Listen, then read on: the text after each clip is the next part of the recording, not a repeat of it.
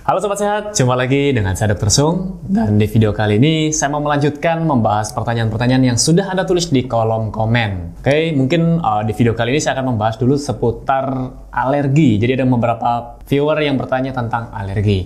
Oke, seperti apa? Tonton setelah yang satu ini.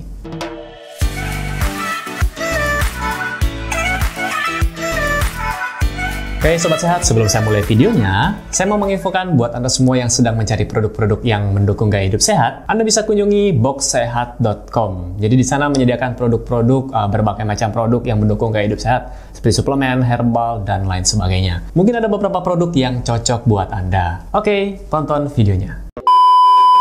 Oke Sobat Sehat, jadi pada video kali ini saya akan membahas pertanyaan-pertanyaan yang Anda berikan di kolom komen ya. Kenapa saya tidak jawab di kolom komen? Karena beberapa orang, alasan pertama, ada beberapa orang menanyakan hal yang sama.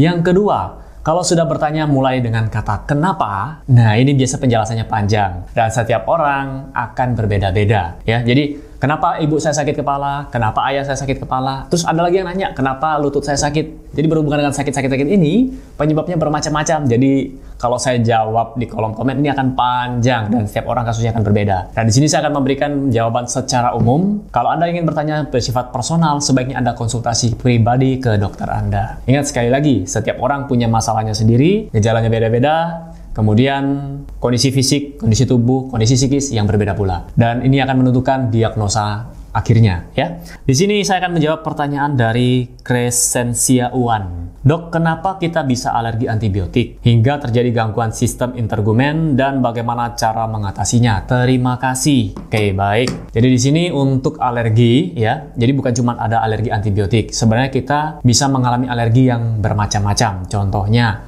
alergi makanan, paling banyak alergi seafood. Atau biasanya pada anak kecil yang baru mulai dikenalkan dengan makanan yang baru, alergi protein tertentu seperti telur, kemudian daging ayam juga bisa, susu ya. Jadi bermacam-macam. Kemudian itu yang kita konsumsi secara oral. Kemudian ada obat-obatan. Kemudian ada ya salah satunya antibiotik tadi. Terus penggunaan topikal juga bisa. Jadi misalnya kena di kulit, obat oles, atau bahkan misalnya Anda jalan-jalan ke taman, Anda yang alergi terhadap serbuk sari, Anda bisa memicu reaksi alergi. Reaksi alergi ini pun bermacam-macam. Ada yang gatal ya di kulit, uh, muncul benjolan-benjolan warna kemerahan. Nah, itu namanya urtikaria atau mungkin bahasa di sini orang bilang biduren. Saya tahu Anda mengerti atau tidak. Jadi kalau di Jawa katanya biduren seperti itu. Uh, kemudian reaksi lain bisa ada yang sesak napas, kemudian ada yang bibirnya bengkak. Mungkin Anda pernah dengar cerita waktu saya tidak tahu berapa tahun yang lalu ya ada di surat kabar. Jadi seorang anak habis berciuman dengan pacarnya, kemudian pacarnya meninggal,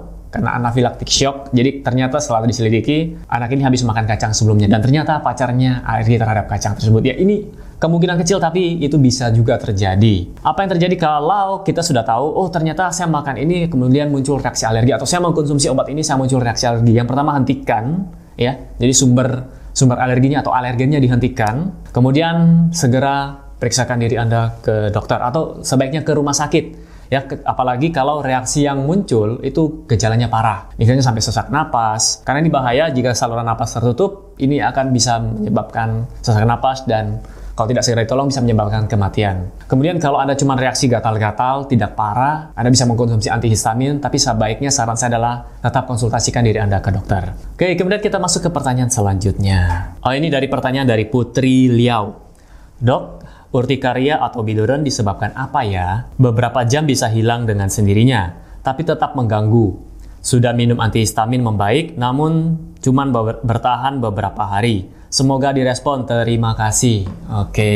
Nah, urtikaria atau yang kita sebut dengan biduran ya, beberapa orang awam menyebutkannya seperti itu. Ini bisa uh, merupakan salah satu gejala dari alergi. Jadi Anda yang bertanya, Putri Liao, mungkin Anda mengalami alergi ya terhadap saya tidak tahu Anda alergi apa, bisa dari makanan, kemudian bisa dari debu di rumah Anda, tungau ya. Coba perhatikan misalnya Anda di rumah yang uh, banyak sofa, ya terutama yang bertanya, sofa, kemudian gorden, karpet yang tidak pernah dibersihkan, coba Anda bersihkan. Mungkin bisa itu penyebabnya atau bisa juga dari makanan. Biasanya seafood, telur, dan saya tidak tahu pastinya apa karena Anda harus diperiksakan terlebih dahulu ya.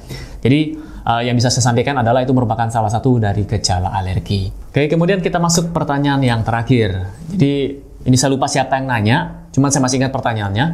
Uh, ada yang bertanya, Dok, kenapa kok saya makan udang, kadang reaksi alerginya muncul, badannya gatal-gatal, terus dengan porsi yang sama juga saya makan, kadang tidak muncul. Terus bagaimana penjelasannya, Dok? Nah, di sini saya akan jelaskan. Jadi reaksi alergi ini yang muncul pada mereka yang alergi terhadap bahan makanan tertentu atau uh, zat tertentu ya. Kenapa kadang bisa muncul, kenapa kadang tidak muncul? Nah, pada saat Anda kondisi bahagia, kemudian uh, dalam artian tidak stres, kemudian tingkat polusinya juga rendah. Intinya tubuh Anda lagi dalam keadaan bahagia, happy. Nah, sistem imun Anda akan lebih baik ketimbang pada saat Anda banyak tekanan, kemudian uh, ada masalah, kemudian tingkat polusi tinggi, ya.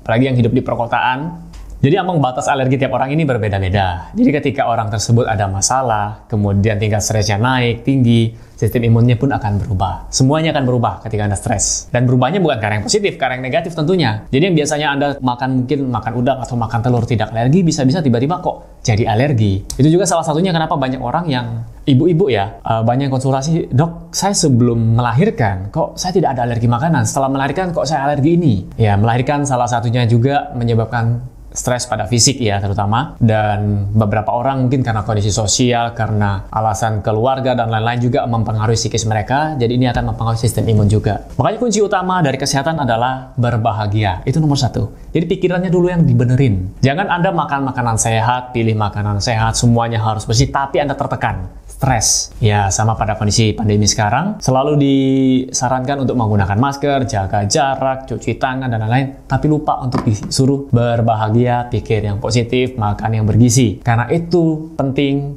Saya bukan bilang cuci tangan tidak penting ya. Semuanya penting, tapi lebih penting pikiran kita bisa dijaga. Ya, pikiran yang positif itu jauh lebih baik. Oke, mungkin itu saja yang bisa saya bagikan pada kesempatan kali ini. Dan buat Anda yang suka dengan video ini, silakan komen di bawah, mungkin ada pertanyaan lagi. Silahkan klik like, share pada teman-teman Anda. Dan buat Anda yang belum subscribe, silahkan di subscribe. Mungkin udah lama ya, saya lupa ngomong untuk Anda biasa subscribe. Oke, sampai jumpa di video saya selanjutnya. Salam hebat, luar biasa.